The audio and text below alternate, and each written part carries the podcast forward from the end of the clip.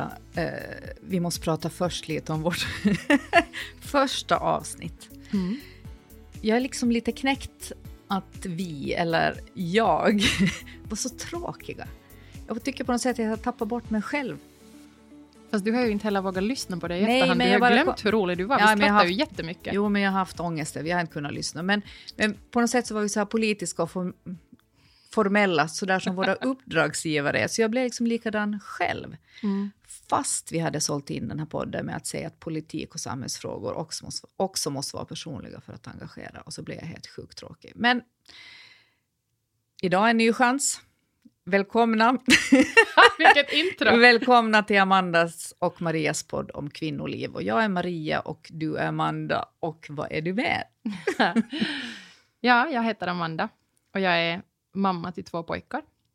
Och jag har alltid velat bli mamma. Jag tror jag var 12 år gammal när jag bestämde att det var det enda jag var verkligt säker på här i livet. Att morsa, det skulle jag bli. Och det är vad vi ska prata om idag också lite. Men eh, ja, vem är du Maria? Annat än Maria. Jag är också morsa. Eh, och jag är mamma till fem barn. Eh, och när jag inte är morsa, vilket jag är Eh, jag måste fundera hur många procent av min vakna tid, kanske 70, så är jag psykoterapeut och publicist. Sen är jag också präst, men jobbar inte med det. Eh, och gör sån här, mm. som podd. Vad gör du? Jag är sociolog och coach och yogalärare. Så jag föreläser ganska mycket. Jag hjälper människor och företag att jobba och leva hållbart.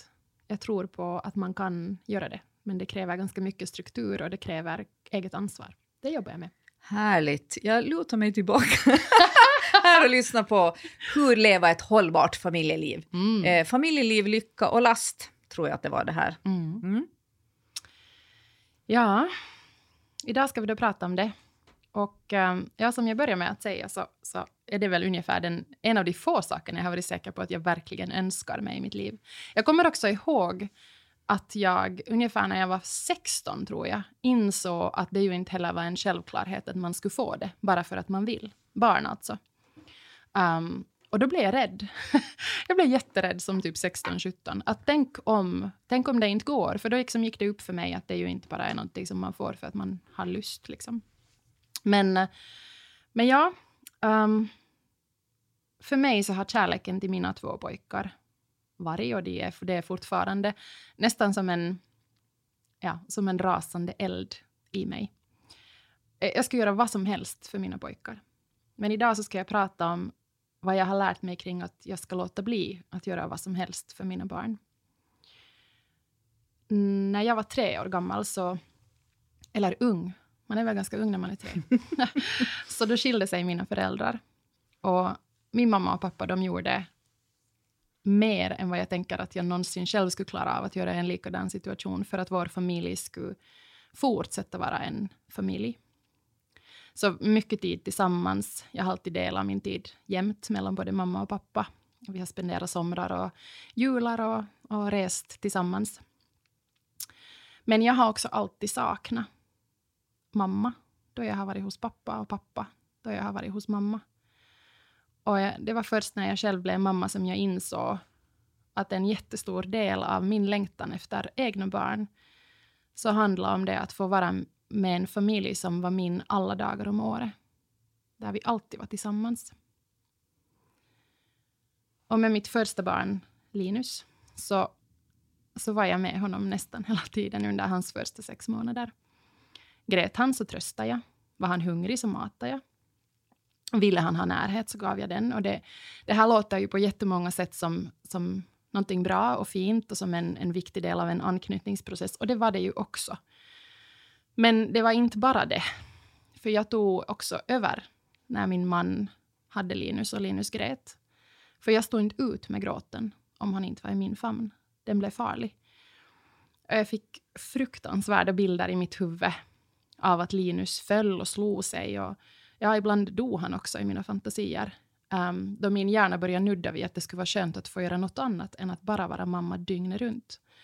Och liksom sitta bredvid det här lilla knyttet hela, hela tiden. Så det var en slags sån här undermedveten straffmekanism som, som kopplades in och som jag inte alls förstod mig på.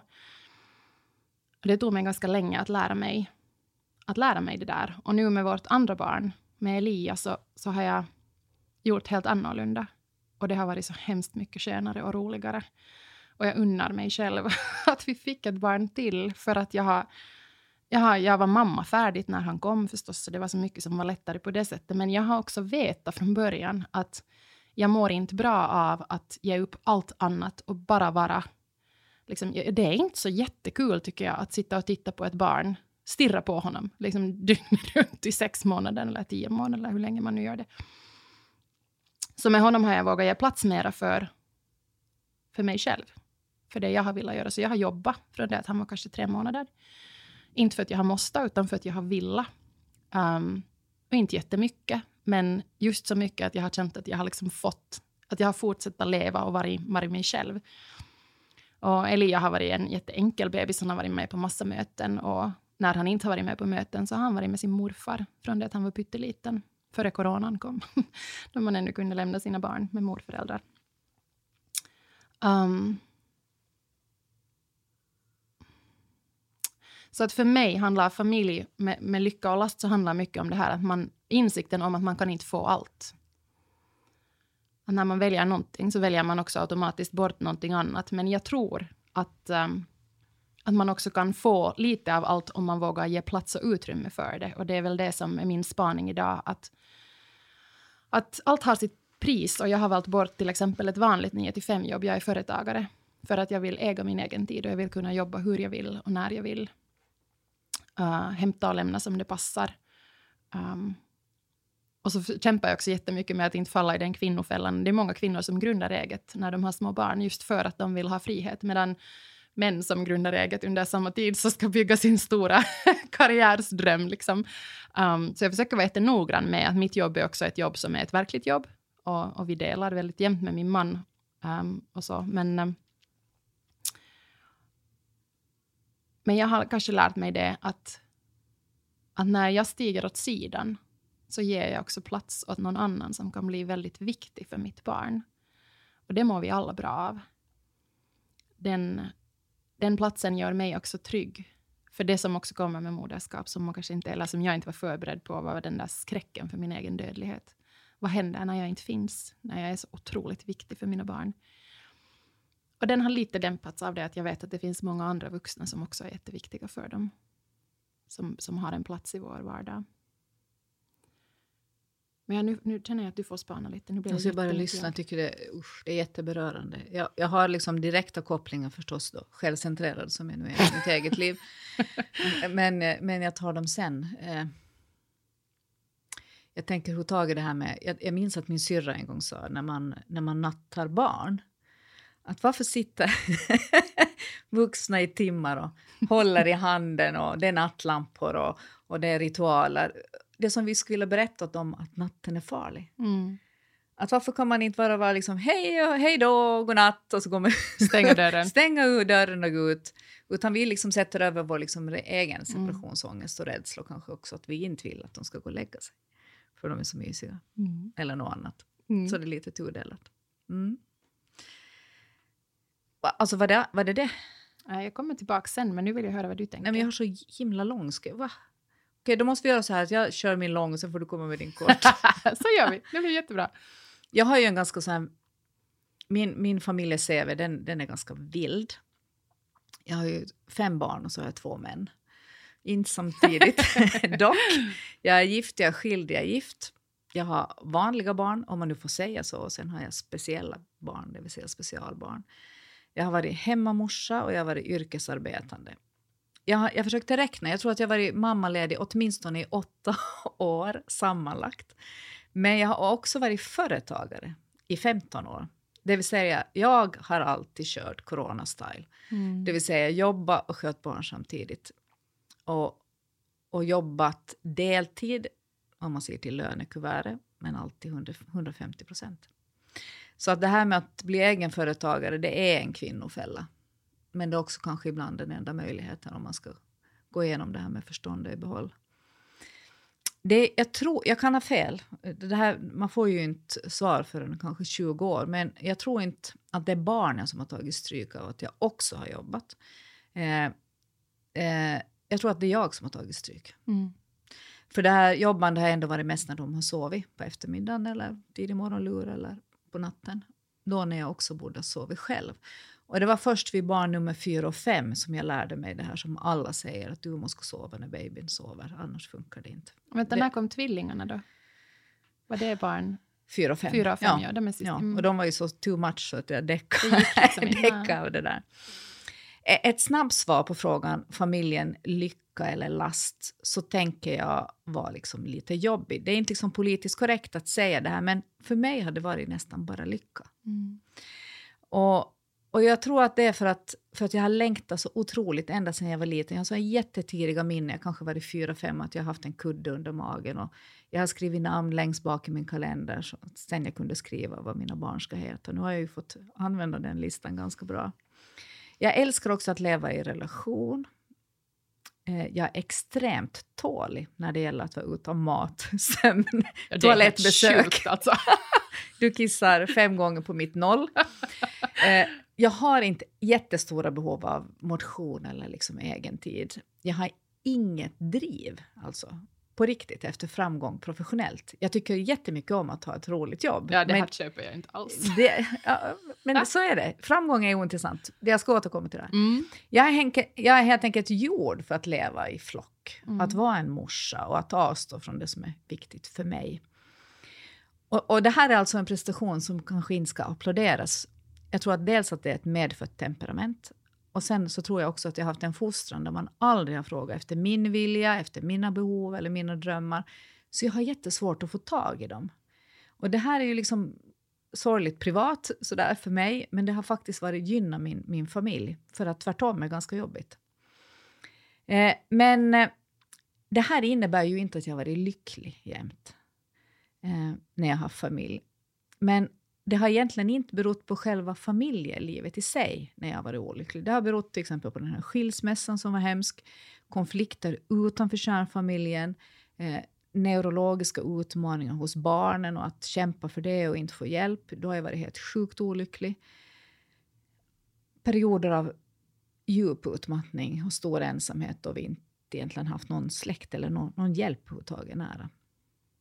Jag fick lite feedback efter ett webbinarium som jag höll förra veckan. Att, att, eh, att trötta småbarnsföräldrar, jag borde ta dem mera på allvar, för då hade jag sagt att småbarn är små bekymmer. Men tyvärr så kan jag inte backa där, för familjelivet med småbarn så var väldigt enkelt för mig. Jag vet att det är jättejobbigt för många andra, men för mig var det, råkade nu den här enda gången komma någonting enkelt. Och, och det som jag beskrev då, men, men, men det här med stora barn, det har varit, det har varit svårt.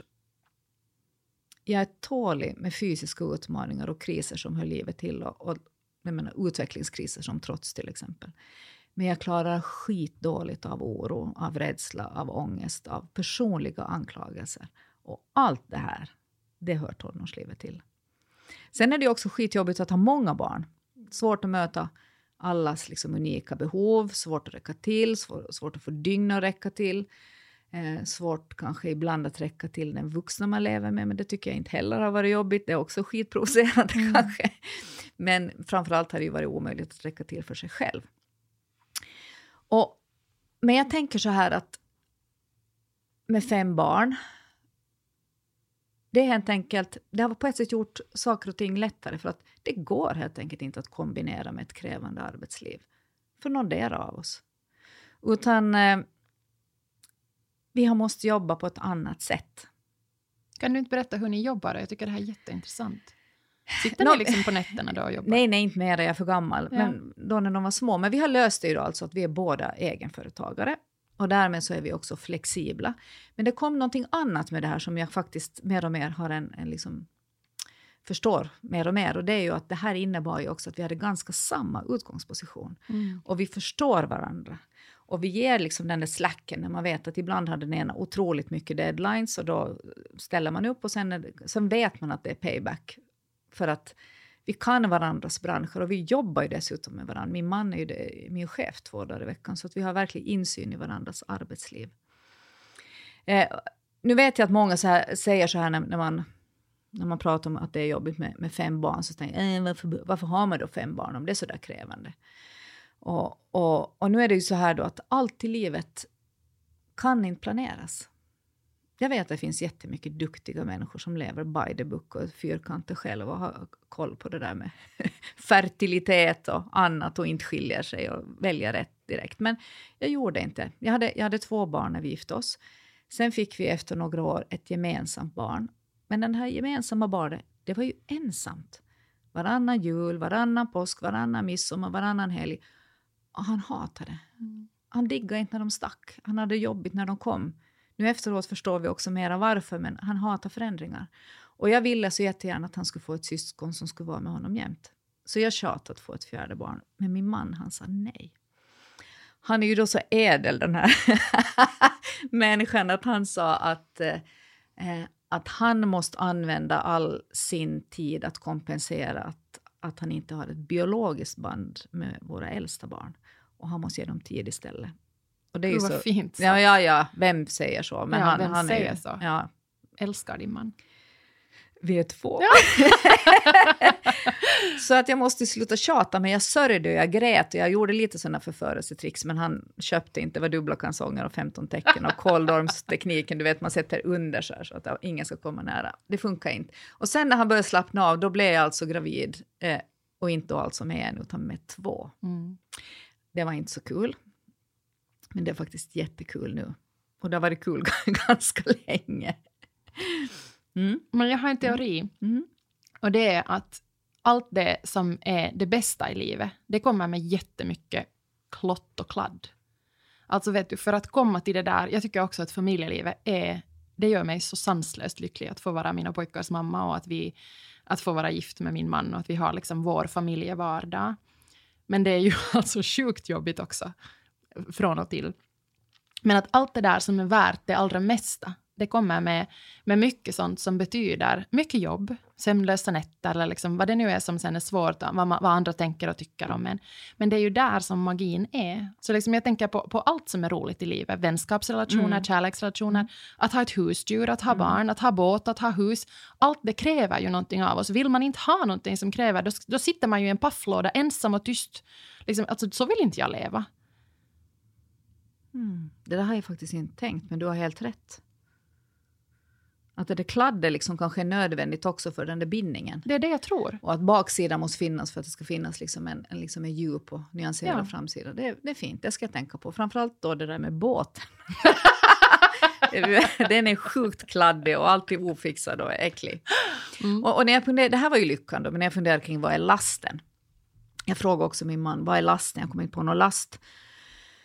Så sa han, ja det, det är väl att, att vi inte räcker till för alla. Men det tycker jag på något sätt, precis som du sa, jag tycker det är skitbra att man inte gör det. För att då blir de tåligare och då söker de att, från andra istället. Mm. Att, att vi som familj ska vara självförsörjande fullständigt är ganska liksom äcklig. Det är en hemsk tanke, ja, lite. Mm. Ja. Men jag tänkte att lasten hos oss har främst varit ekonomisk. Det har varit omöjligt att spara. För, för att jag var ju åtta år utan lön och tre månader i året så har jag ingen lön, för då finns det ju liksom ingen verksamhet med det som jag jobbar. Och det är klart att det här märks. Men eh, det är också så här att, att, så fort vi har fått in lite pengar, när vi har varit så slut, så har vi på något sätt eh, direkt så har vi direkt, direkt njutit upp de här pengarna med god mat och resor till familjen. Alltså vi har levt sjukt pinsamt kortsiktigt och ekonomiskt liksom korkat, men det har varit extremt nödvändigt för den här psykiska hälsan. Så att när folk frågar hur orkar ni, hur klarar sig? Mm, man kan göra så här, att så fort du får 100 euro på konto så, så bränn det. Så bränn det. Så ringer man Volt och så är de borta. Mm. Men om jag lyfter blicken nu från, från mitt eget navelludd så är familjelivet som lycka eller last beroende av så otroligt mycket. Går allt bra så tänker man knappast på hur samhällsstruktur och stöd påverkar vårt tvättberg eller vårt sexliv. Men när det går dåligt, när det blir svårt, då kan stadens eller kommunens olika funktioner och hjälp vara helt avgörande om kidsen är last eller lycka. Mm. Och, och, och, när jag började tänka den här tanken då blev det på något sätt svindlande. För att om vi börjar från början då, att få barn, du var inne på det här, jag tror nästan alla tänker att man kan inte få, eller så tänkte jag också, jag var oerhört förvånad, jag fattade inte hur det var ens möjligt att jag blev gravid. Eh, att få barn eh, så går det ibland av sig själv, men ibland behöver vi hjälp. Och bara den hjälpen är ju så vacker, mm. att man kan få ett samhälleligt stöd att mm. bli föräldrar. Och sen så väntar vi barn och då behöver vi verkligen hjälp med vår hälsa. Och babysens hälsa, går och lyssnar, funkar det här, man får lite hjärntabletter. Ingenstans i mitt liv har jag känt mig så buren som på Nej, rådgivningen. Underbart, jag älskar fantastiskt. Ja, jag älskar också rådgivningen.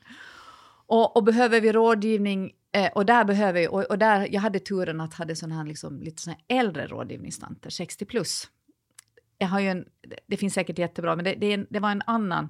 De blandade sig i ens liv. Det var inte bara väga och mäta, utan de vågade fråga jättejobbiga frågor. Och, och de blev på vägen faktiskt ganska goda vänner, båda två.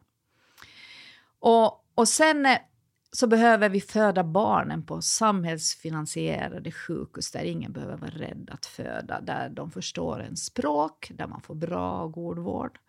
Vi behöver då sen rådgivningen igen för ledsna. Och, om allt går bra så vi behöver den ändå, men om han har en ledsen och sjuk bebis eller om han är ledsen och sjuk själv, så då är det fullständigt avgörande med den här eh, rådgivningshjälpen. Och utan den så kan det ju gå helt sjukt illa. Och sen, nu blir det bara vackrare, sen behöver vi föräldraledigheter för att kunna vara med vår bebis och ge mm. mat och knyta an och ta hand om oss själva, återhämta oss. Och så behöver vi föräldra, föräldraledigheter för att både mamma och pappa eh, för ett barn eh, ska kunna sköta sin bebis. Och babysen behöver också båda. Och det här är också magic, den bästa grejen för en parrelation. Alltså det är vi har haft, båda pojkarna är födda på sommaren. Det låter som att vi ska planera väldigt väl. Mm. men, men båda våra barn är födda på sommaren och, och, speciellt med Linus, men också med Elia av många anledningar, så har vi alltså kunnat vara tillsammans i sex, sju veckor direkt efter förlossningen. Mm. Och att få gå in i den där babybubblan tillsammans, speciellt med det första barnet då allt vänds upp och ner, men också när det kommer ett syskon, för det är mm. en stor mm. omställning. Mm. Så, så jag tänker just det där att vi fick tid och möjlighet att bli en familj tillsammans. Um, det sätter ju kursen för allt och där också just att få gå till rådgivningen tillsammans och ha någon som frågar hur mår ni? Mm. tillsammans som vuxna. Liksom, hur mår bebisen? Alltså det, ja, nej, det, det är jätte, jätteviktigt och jag mm. tror att det har liksom en, en väldigt stor påverkan på också hur ensamma vi sen känner oss eller liksom hur tillsammans vi känner oss, både i familjen och sen utanför den. Men jag tänker också att det, när jag hör sådana som är så superrationella som planerar då, så tar de ut en pappaledighetsvecka eller två. Och sen sparar man liksom det här resten för att kunna liksom adda till semestern så att man skulle kunna vara extra länge och göra vad man vill. Så den här första tiden den kommer liksom inte igen. Att du kan inte kompensera sen efteråt att, att mamman behöver dig, babyn behöver dig, du behöver dem mm. jättemycket. Så att jag, jag röstar nog alltid för den här. Nu undrar jag, kan vi ta in Pia här emellan nu? Ja, men jag måste Eller säga en sak. Nej, jag har en liten Säg nu en spann. Ja. ja. Uh, var var vi nu? Vi har föräldraledigheterna. Mm. Jo, och sen tar alltså inte det här underbart vackra vid slut här, utan vi behöver rätt till dagvård för att mm. kvinnor ska kunna, om de vill och behöver, gå tillbaka till arbetslivet. Och sen behöver vi kompetent och energisk personal för att skarva i det föräldrar sviker. Och så behöver vi en bra grundskola med pedagoger som inte bara lär våra barn eh, fakta, utan förstår och tryggar upp dem. Och så behöver vi vettig eftermiddagsverksamhet för att kunna jobba utan rädsla hos både barn och föräldrar. Ja, du hör. Alltså samhälle är alltså helt avgörande i många fall om familjelivet blir en lycka eller en last. Och där är det ju också det att ingen familj, ingen människa men ingen familj ska heller behöva vara en ensam ö. Det här tänker jag på så mm. fruktansvärt mm. mycket som förälder. Hur beroende jag och vi är som familj av, no, vi har ett ganska stort stödnätverk här i vår liksom, pre-coronatid. Och det är det som har varit, tycker jag, så jätteplågsamt är att en stor del av den där vardagskontakten med till exempel barnens morfar hos oss har försvunnit. Han, liksom, han brukar vara mm. hos oss mm. varje vecka mm. och vara med barnen och hämta på dagis. Och, och liksom att, att vi, ska, vi ska behöva varandra, det ska kännas när någonting försvinner. Och vare sig det är närfamiljen eller samhällets liksom, hjälpande hand så är det inte meningen att vi ska klara allt det här ensamma. Så är det. Och det här gäller ju förstås särskilt mycket alltså människor som kanske då inte har det här nätverket eller är ensamstående. Ja. Med små eller större barn. Så att jag älskar det här att vi har Vi har ett välfärdssamhälle. välfärdssamhälle. Ja, det är så bra. Mm. Eh, men nu, vi, nu kan vi ta in Pia. Mm. Pia. Pia är alltså en av de politiker från Svenska kvinnoförbundet som är med med en politisk kommentar i det här avsnittet om familjelivet, lycka eller last. Eh, Den här podden är ju producerad av Svenska kvinnoförbundet, Svenska kvinnoförbundet Sörnäs och Svenska bildningsförbundet. Och i varje avsnitt har vi alltså en gästande politiker som, som säger lite, en personlig kommentar om vad den Mm, tänker en politisk och personlig kommentar. Och idag är det alltså Pia Sundell som är verksamhetsledare på Barnavårdsföreningen.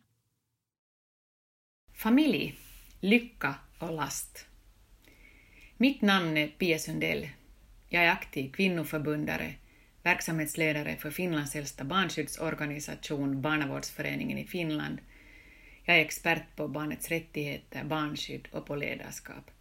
Dessutom är jag mamma till två unga vuxna. Jag har fått som rubrik Familj, lycka och last. Ett tema som man ju kan reflektera kring ur många olika perspektiv. Idag valde jag ett sam samhällspolitiskt perspektiv, ett föräldraperspektiv och naturligtvis ett barnperspektiv. Barnens rättigheter är vuxnas ansvar. Så enkelt är det faktiskt. Barns behov och barnets bästa ska gå före alla andra intressen i all beslutsföring. På ett politiskt plan betyder det att beslut som inte är barnets bästa helt enkelt inte kan fattas. Och för att barnvänliga beslut ska kunna fattas så krävs politisk vilja. Man måste helt enkelt vilja välja barnvänliga vägar och fatta barnvänliga beslut. Den samhällspolitiska debatten och den politiska viljan har inte varit speciellt barn och familjevänlig under de senaste 20 åren. Man har skurit ner på service och tjänster riktade till just barn, unga och barnfamiljer. Och man har dessutom fattat beslut som varit direkt skadliga för barn och unga. Andra intressen har helt enkelt styrt beslutsföringen. Andra intressen än barnets behov och intressen. Den politiska debatten måste helt enkelt börja se barndomen som en investering, inte som en kostnad. Både som mamma och som chef måste jag säga att ett familjevänligt arbetsklimat är absolut nödvändigt. Vi måste kunna bygga upp ett flexibelt arbetsliv som stöder mammors och pappors möjligheter att arbeta. Lika möjligheter att arbeta. Vi, vi ska komma ihåg att i Finland har vi faktiskt Nordens styvaste och ekonomiskt sett det lägsta systemet för familjeledigheter. Jag tycker det ska vara en självklarhet att man i ett land som Finland ser till att arbetsliv och familjeliv går att sammankoppla på ett bra sätt. Vi behöver naturligtvis en kvalitativ, jämlik och utbredd småbarnspedagogik. Men dessutom måste föräldrar ha möjlighet att flexa med sina arbetstider. Man ska nog kunna vara både framgångsrik som mamma och som medarbetare i vårt land. Barn har ingen rösträtt och barn har ofta ganska svårt att påverka sitt liv. Och barn är oftast helt beroende av de beslut som vuxna runt henne fattar. Vi måste komma ihåg att varje barn är unik och varje familjs historia är unik. Vi kommer aldrig att hitta ett sätt med vilket vi kan lösa barnskyddets och familjers utmanande livssituationer. Men vi kan hitta många olika sätt som hjälper barn, unga och familjer och vi måste hitta de rätta sätten. Men vi måste framför allt se barndomen som en livsviktig period i ett barns liv. Vi måste värna om barndomstiden. Barn har rätt till omvårdnad och tillräckligt skydd. Barn har rätt till utbildning och barn har rätt till lek och vila. Och alla rättigheter är viktiga. Och vi vuxna, det är vi som ska se till att de här rättigheterna tillgodoses. Dessutom så måste vi som föräldrar försöka på alla sätt skydda våra barn från skadliga saker, som till exempel mobbning, fysisk och psykisk våld mot barn, utdragna vårdnadstvister och alkohol och rusmedel. För mig är familjelivet ändå en helhet. En helhet med många olika slag av känslor. Och ibland är det jättejobbigt att vara mamma. Jättejobbigt. Och känslan av otillräcklighet har jag känt många gånger av. och vad jag har varit orolig under de senaste 22 åren för mina barn. Samtidigt så har barnen varit den största och också den viktigaste gåvan jag har kunnat få i mitt liv. Så jag skulle nog säga att familjen är absolut både en lycka och en last. Men det är en last som oftast går att hantera. Ibland behöver man lite hjälp och stöd. Och som tur finns det hjälp och stöd att få. Och till alla unga vuxna vill jag säga att jag nog tycker att det lönar sig att bilda familj. Det är absolut inget självändamål att ha många barn. Nej, jag tycker det är faktiskt klokt att fundera på föräldraskapet. Men jag vill ändå säga att jag tycker att familjen ger mer än vad den tar. Till alla oss vuxna vill jag säga att för barnen är barndomen här och nu. Vi ska lyssna på barnen, vi ska se dem och vi ska låta dem växa till sina egna personer.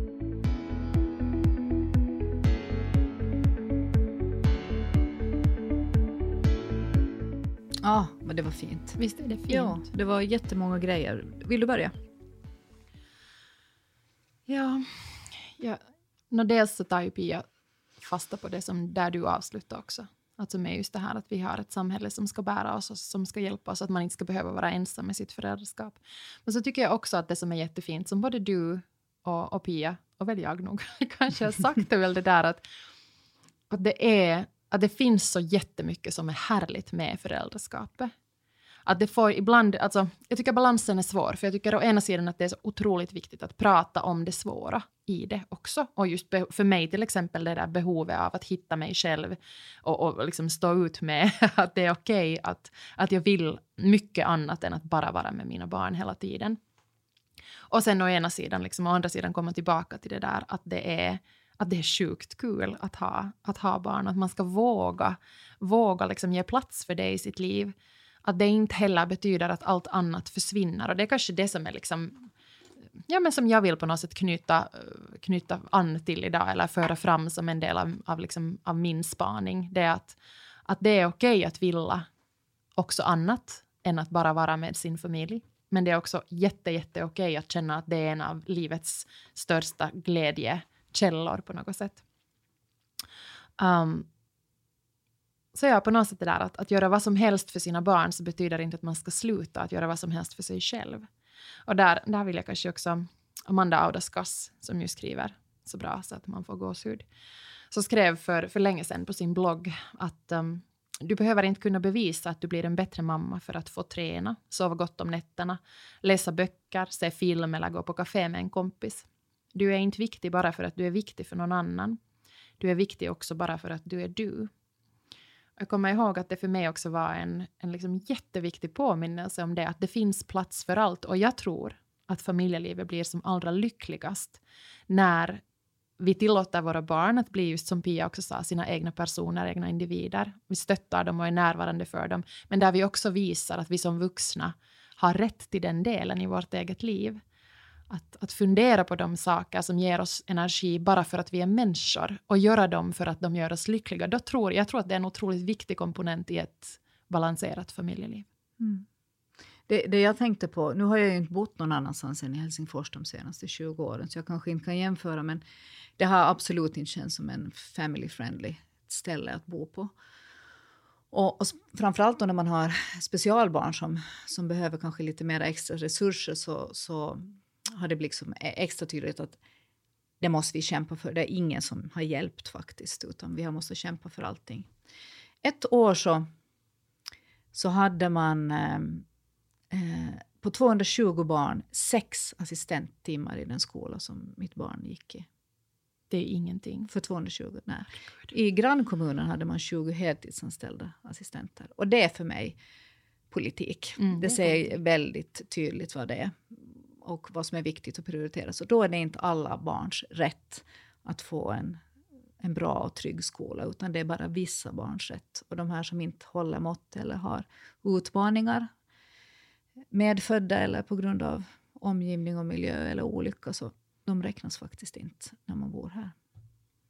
Så att det, det, har varit ganska knäckande och det är extremt viktigt när jag röstar att, att man har en tydlig family friendly politik, för den får liksom min, min röst. Det andra som, som jag tänkte på så var den här um, mera family friendly, alltså ha en arbetsplats. Mm. Och, och um, jag, jag gjorde alltså en, en, ett, ett, um, en stor livsförändring. Jag bytte liksom bransch. Och bland annat för att jobba på en family friendly arbetsplats, som jag uppfattade eh, Där man sätter barnen i centrum och barnen är viktigast och familjen är viktig. Och det visade sig att det var precis tvärtom. Eh, det var en, en, en bransch med en, en lång eh, patriarkal och hierarkisk kultur där man inte kanske har sprungit så jättemycket och hämtat på dagis eller vabba, eller, vabba, eller, eller fixa julmiddagen utan man har kommit till dukat bord och sådär. Det fanns liksom ingen förståelse att det här var ett problem. Eh, det var också ett kollega, jag tror att jag var den enda med mindre barn, sen fanns det en annan med två, men tio hade inte. Och det fanns liksom ingen flex och ingen förståelse och ingen vilja att komma emot kring arbetslistor eller någonting annat, utan man var jobbig och svår och man önskade. Och då var det igen det här, då rimmar det väldigt illa liksom med att gå ut och säga i sitt, vad ska man nu kalla, som målsättning, att man vill göra samhället mera familjevänligt och barnen i centrum, om man ändå inte arbetar med det själv, alltså med sin, med sin personal. Så, så det, är en, det är en viktig fråga när man söker ett nytt jobb. Så är att hur ser ni på det här? Och det är också en otroligt viktig fråga, tänker jag, som ledare och, och kollega och medmänniska. Mm. Um, att också inse det där att vi är ju holistiska människor. Vi, vi är inte bara vår arbetsidentitet eller vår mamma, för pappa och föräldraroll, utan vi är ju en blandning. Och just det här att, att jag hoppas att corona, coronakrisen på något sätt också har lärt oss mer av det. Mm. Att vi har påminns om att vi sitter alla, väldigt många av oss sitter i samma båt med ungar på andra sidan dörren, liksom, mm. medan vi försöker mm. jobba. Jag tänker att det på något sätt har gjort det lite tydligare att att så här är det att vara människa, det behöver finnas en flexibilitet. Men jag tänker också det här som du någon gång har sagt att, att du aldrig träffar på någon när du har coachat som du har måste coacha till att jobba mer. Mm. Utan det är ju alltid att försöka få att jobba mindre. Mm. Vill, och jag tänker så här att om man ger förtroendet att, att jag är helt ointresserad av vilka tider du sitter på din stjärt liksom framför datorn, bara du levererar ett bra resultat. Men alltså, det här finns det massa forskning också som stöder. Mm. Att det, är, alltså, det är ju så, vi vill ju göra väl ifrån oss. Men jag tänker, det, liksom när, när du ger en kvinna ett sånt förtroende, då får du liksom allt. Jo, herregud, ja. ja. Då går vi ju genom eld. Vi går genom eld. Och, så man måste vara så smart, tänker jag som ledare, att ge det här förtroendet, ge den här flexibiliteten, ge den här förståelsen. Men hon kommer att leverera. Kanske inte på måndag mellan 8 och 4 om det finns ett sjukt barn, men hon tar igen det på lördag och söndag. Mm. Jag lovar. Den här veckan, Maria, vad är din energitjuv? Tjuven, det är jag. jag är min dipp. Jag har, jag har jättesvårt att hitta någon slags inre stabilitet och jag är faktiskt ganska orolig, ledsen och besviken. Och inte bara på mig själv utan på många människor just nu. Och, och de här andra människorna som jag är besviken på, de kommer ju inte att ändras. Det är jag som måste ändra min syn på dem. Så det är min energitjuv, mig själv. Vad har du som tjuv? Min tjuv den här veckan är att jag eh, ibland beter mig så som jag tror att människor i min omgivning tycker att jag ska eller borde bete mig i min roll som mamma. Mm -hmm. Istället för att göra det som jag tycker att är bäst för mitt barn och för mig själv. Mm. Och den spiralen skickar mig ner i ett ångesthål som är så brutalt. Och jag jobbar jättemycket på att att uh, inte hamna där. Men där hamnar jag. Så är det. Och vi måste ju igen då vara otroligt noga själva att vi aldrig liksom blamear andra föräldrar. Försöker tänka ett varv till. Vi känner inte den här situationen, vi känner inte det här barnet. Och ett, ett litet tips är alltså att ge inte ett råd om ingen frågar efter det. Nej, ord, små ord kan bära, sen, bära vidare till väldigt mycket stora känslor kan vi säga. Mm, det var det om det. Okay, nu är din boost den här veckan. Ska jag ta boosten? Mm. Ja, boosten är det. När man har varit i ångesthålet till exempel, och så säger man lite förlåt eller sådär. Uh, så ett bra sätt, en av mina absoluta favy energiboostar hos oss, är det att alla i familjen får välja en sång. Och så mm. sätter vi på musiken så högt så det bara går och så fuldansar vi i köket. Då väljer Linus, som är snart fyra, väljer Vajana Så det, mm. Medan han liksom dansar, alltså han kommer bli en fantastisk musikalartist någon dag. Um, och så är det Petter, det är mycket liksom svensk hiphop. Och så om jag får välja så är det Robins Call Your Girlfriend. Och så står babyn som snart är ett år liksom på knän och gungar.